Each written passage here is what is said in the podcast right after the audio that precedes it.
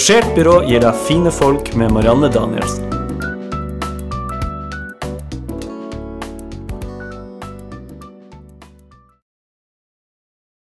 Prosjektdirektør for campusutvikling ved NTNU, Merete Kvidal, jobber med fremtidens campus. Trenger vi egentlig kontorer, og trenger vi store auditorier i fremtida? For å finne ut mer om det, har vi bedt Marianne Danielsen lage en live podkast for dere her i dag. Og nå er vi litt sånn spent på hva som står fremme på skjermen, men jeg ser at eh, folk vil helst ha begge deler. De vil jobbe både på hjemmekontor, og de vil jobbe på arbeidsplassen sin. Så vær så god, Merete og Marianne. Tusen takk. Jeg heter da som sagt Marianne Danielsen, jobber i Engasjert byrå og har en podkast som heter Fine folk. Og jeg er så glad for at jeg har blitt invitert nå til digitaliseringskonferansen for å nettopp ha denne live podkasten.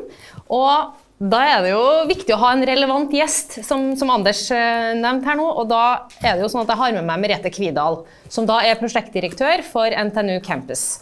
Og da lurer jeg da på, Merete. Um, hvem er du egentlig, og hvorfor tror du at du er med på digitaliseringskonferansen? Hvem er egentlig er et ganske komplisert spørsmål. Eh, det utvikler seg stadig hvem man er. Men hvorfor er jeg her, da? Det er vel NTNU er jo Norges største og mange sier viktigste universitet. Det vil vel flere si som eh, ser på her, at deres universitet er viktigst. Men så har vi et svært prosjekt som har en, eh, noen helt spesielle mål. Eh, og det tror jeg kanskje kan være medvirkende, akkurat som Anders sa i innledning her. Mm.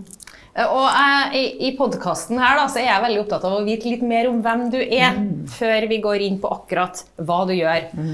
Uh, så jeg vil vite litt først om bakgrunnen din med dette. Hvor, hvor, hvor, er du fra? Jeg er fra Malvik, så jeg er en uh, landsens jente. Vokste opp i et byggefelt som ble bygd på 60-70-tallet. og Der var vi faktisk en hel klasse med unger i tre-fire gater. Det var mye unger. Mye unger. Ja, mye unger. Og så har jeg jo en familie med vi er fire søsken. Fem år mellom første og siste. Tett? Ja. Fire tette i badeetter, tror jeg. Ja. Også, og en aktiv familie. Det, ja.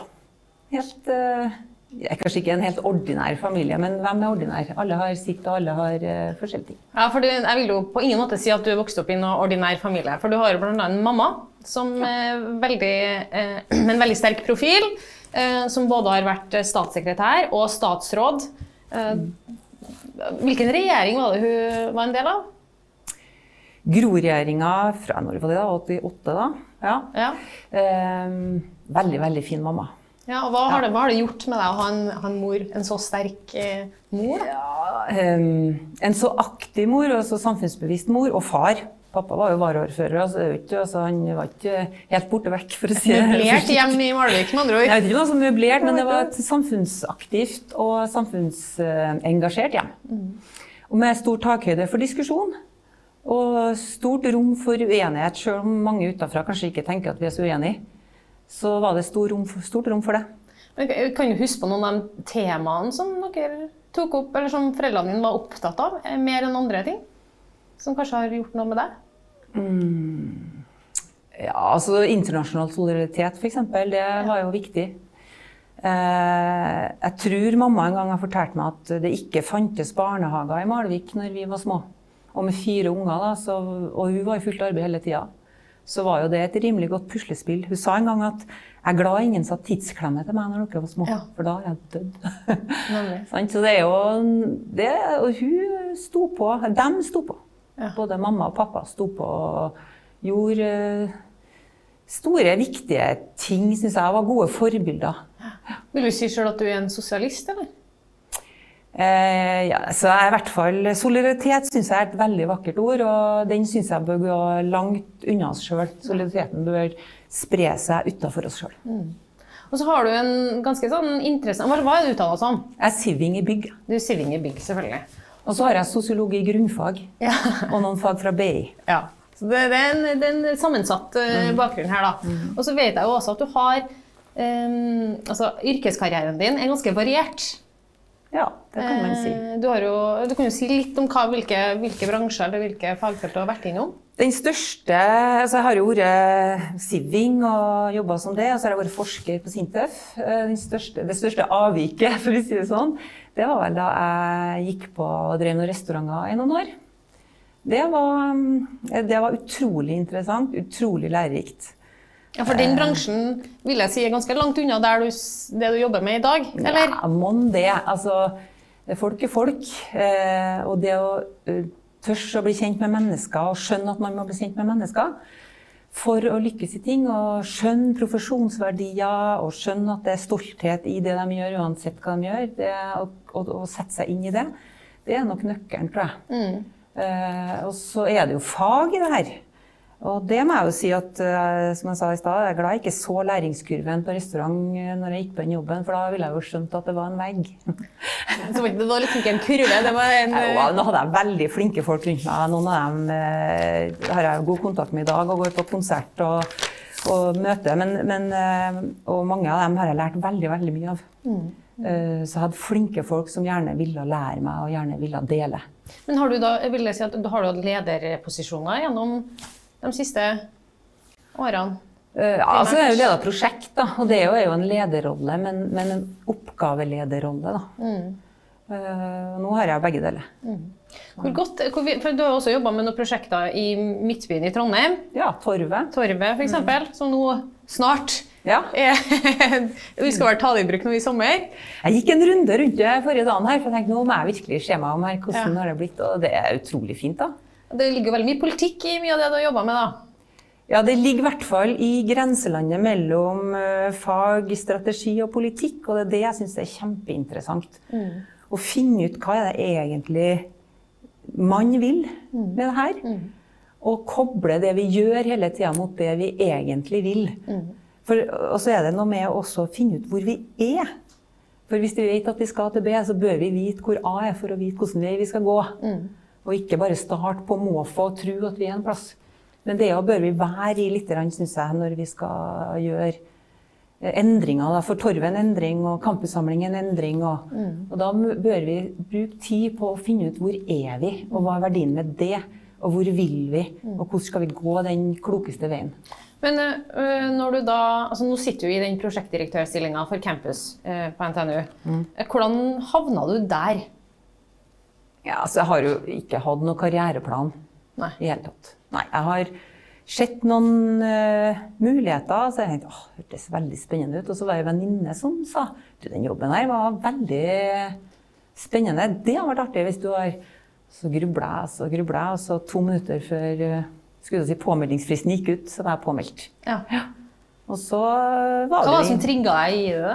Nei, det er jo det som jeg sa i stad. Den kombinasjonen mellom det politiske og prøve å oppnå forståelse for det, man, eh, for det NTNU og landet trenger. Og, og det å implementere det og operasjonalisere det på en god måte. Så du må både ha de strategiske evnene, men du må også kunne være taktisk og operativ for å Altså du har hele spekteret her. Jeg tror man må ha det. Ja.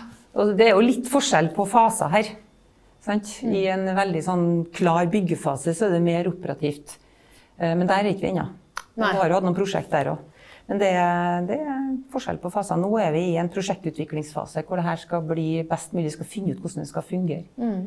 Fordi det vi vet, er jo at det, det er veldig mange forventninger eh, til dette eh, prosjektet. Eh, det er forventninger fra departementsnivå, det er forventninger fra selvfølgelig den regionen som universitetet fysisk er en del av, det er forventninger internt. Eh, Det er forventninger fra Unit, mm. fra sektoren. Hva anser du er hovedoppgaven du har i det prosjektet? Nei, altså Hovedoppgaven er å lage et strålende campus for NTNU, for den, det samfunnsoppdraget NTNU har. Vi har et eh, generelt oppdrag, men så har vi også et spesielt oppdrag med så tung teknologiside. Og så har vi en helt unik mulighet i NTNU gjennom at vi både har humaniora og samfunnsvitenskap i samme universitet. Så studentene har en fenomenal mulighet til å ta å få kunnskap om fag på tvers. I tillegg til den samme faglige og enda dypere faglighet innen sin disiplin, så kan man skjønne at det finnes noen rett på andre siden av veggen her, eller i nabohuset som har like dyp kunnskap om en annen disiplin. Og hvis jeg forstår det, så kan jeg bruke det bedre. Så den tverrfaglige Ja. samhandlinga er viktig. For, ja, og kunnskapen om at det fins. Ja. Det fins jo flere nivåer på det der. Sant? Så det, Men hvordan designer man noen ting for en fremtid som man ikke vet helt Vi vet jo altså, Nå har vi jo lært gjennom covid-19 at vi vet jo egentlig ikke altså, Nå blir det fry- fryktelig uforutsigbart. da. Hvordan klarer du liksom å tenke fleksibilitet i det her? nei, det er akkurat det du sier. Det, vi må tenke fleksibilitet. Vi må prøve å ikke bestemme ting vi ikke må bestemme for tidlig. Vi må lage en plan for hva vi må bestemme når, og så ikke bli frista til å bestemme ting fordi at det tar ned risiko, fordi at vi er redd for det. Altså, det er risiko i å jobbe med et så stort eh, prosjekt og et så stort oppdrag. Det må vi tørre å være i. Og vi må tørre å reflektere over det og undres over det. Og, og bruke ikke bare, ikke bare det vi ser umiddelbart, men gjøre det til kunnskap. Men Sånn som de umiddelbare han hadde, Nå hadde eh, Unit nå kjørt den pollen på alle dere deltakere som er med her, som sier noe om at man, hvis man får velge, så vil man både sitte hjem og være på jobb. Mm. Altså man vil ha begge deler. Hva tenker du om den umiddelbare kunnskapen? Nei, jeg tok en liten jubel her, for at det er Jeg tenker at det er akkurat det som er Kanskje kan være eh, i framtida, og derfor vi tenker fleksibilitet. Det ene er at vi ikke vet hvordan framtida blir. Og det andre er jo at vi skifter jo mellom hva vi gjør. Det gjør jo vi òg, det gjør jo alle her. Og alle, tror jeg, vi ser jo det når vi gjør noen sånne undersøkelser på hva gjør folk i løpet av en dag. Hvilken arbeidsflyt har man? Så går man jo gjennom ulike, på ulike stasjoner i sine lokaler eller i sitt campus eller i sin by. Og bruker det på ulike måter. Og legge til rette for det, det ah, Det håper jeg vi får til. Det er Og komplekst, da. Ja, det er komplekst, ja. Men det, Litt ja. komplekst. Ja, så du skal kunne ha det strategiske blikket samtidig som det operative. ikke sant? Klare å håndtere det samtidig. Mm, Og så må du tørre å jobbe i noe du ikke helt vet svaret på. Ja. Tørre å være i det litt. og tørs, for at du kan, Hvis du søker konkret svar med en gang, så står du i fare for å lage noe du ikke helt trenger i framtida. Og så er det jo kjent at når man jobber med sånne typer store prosjekter, hvor du skal inn i forskjellige typer kulturer og få folk til å gå i samme retning, så vil jeg jo tro at du også møter noen utfordringer i det. Hva, hva ser du som Men jeg tror det første er å anerkjenne eh, betydningen og verdien av mangfold. Og tenke at det er noen likheter, men jammen meg noen ulikheter. Og det er forskjell på hvordan en kybernetiker jobber, og hvordan en eh, forsker på kirkehistorie jobber. Og det er forskjell i hvilke fasiliteter man trenger til den jobbinga. Det er kjempeforskjell i forhold til hvilke medier man bruker til undervisning. Noen fag vil bruke bøker i uoverskuelig framtid. Andre fag har ikke brukt bøker på ti år. Papirbøker. sant?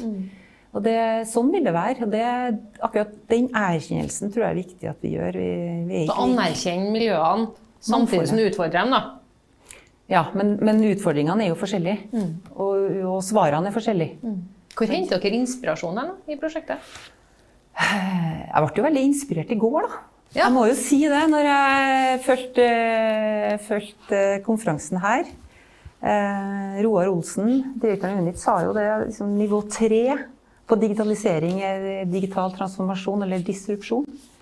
Det syns jo jeg er et interessant perspektiv. Hvor langt må vi virkelig gå for å få balansen ut av balanse, for så at den finner balansen igjen annet, med en annen vektfordeling? Ja. Og, det, og der eh, trenger vi mot, og vi trenger eh, folk som tørs. Ikke bare en prosjektorganisasjon som tørs, men vi trenger folk i hele dybden av organisasjonen som tørs å prøve ut ting. Da. Nå tror jeg at det er veldig viktig, det som vi snakka liksom innledningsvis, det med din bakgrunn og det at du har, har erfaring fra ulike bransjer, og at, eh, og at du har det motet. For, um, for jeg, jeg vet jo fra sikre kilder at du Merete, du blir jo kalt en vandrende disrupsjon. Uh, Hva, hva, hva, hva tror du det er? Hvorfor har du den beskrivelsen? Uh, Ja, eh, om jeg er det, eller om det er prosjektene jeg leder som er det. Det kan jo Eh, ofte være to sider av samme sak. ja, eller om jeg kan få de jobbene fordi jeg tørs. Um, Nei, jeg tenker jo det at uh, Det er kanskje motet, da. At jeg, jeg husker første gangen jeg slutta i en jobb. Så fikk jeg en tale fra en av seniorene der som sa Merete, du er modig. Så tenkte hæ? Er jeg modig? Da var jeg 25 eller 26 eller noe sånt. Ja. Tenkte jeg, hm, og det har jeg tenkt litt på. Er jeg modig? Jeg er jo like redd som andre, men kanskje jeg tør tåle det? Jeg vet ikke. Ja, Og tåle å stå i, i motstand og gå i oppoverbakke. Ja. Og så liker jeg å lete etter løsninger. Nå gikk ikke det. OK, da prøver vi det. Å, det var ikke sånn. Da prøver vi det. Skal vi se hvordan Så da, så, så, jeg vet jo at du også er veldig opptatt av resultat, mm. effekt, fremdrift. Og så kommer covid-19, og så bare plutselig så er verden annerledes. Hva gjorde covid-19 og, og de, de retningslinjene som vi måtte operere under da, hva gjorde det med prosjektet ditt? Hva, Det ble egentlig mer intenst, fordi at uh, det er null tid transporttid eksempel, mellom møter. Og det er på godt og vondt, fordi tidene er jo refleksjon. De, de, det kvarteret jeg går over campus, eller det er jo refleksjon. ja. Uh, og det er mye verdt. Så det å legge inn lomma i kalenderen nå, f.eks., så at en ikke tepper bomber med avtaler, det er ganske viktig. Det er, et stort, det er en stor oppgave, faktisk. Men jeg synes det er interessant det der det at du ser at den refleksjonstida forsvinner. Ja, det gjør det. Ja, I det digitale. Ja. Ja.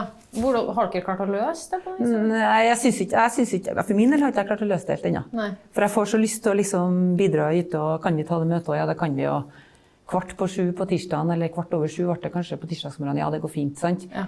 Så det er en sånn Du er hele tida tilgjengelig. Mye mer tilgjengelig enn før. Men har, har prosjektet stoppa opp? Nei, litt? på ingen måte. På ingen måte, På ingen måte. Tvert imot, faktisk. Altså, det er en samhandling som er det jeg gikk fort, altså. Ja. Vi har jo fantastiske folk i staben som bare griper sjansen, og vi har leid inn noen som hjelper oss med det. Så det har gått fort, altså. Vi, I morgen skal vi ha NTNU-kafé. Hva betyr det?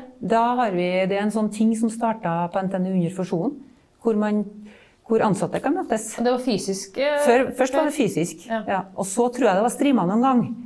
Eh, nå er det fulldigitalt på Zoom, og vi har gruppearbeid med breakout rooms, som det heter, eller grupperom. da.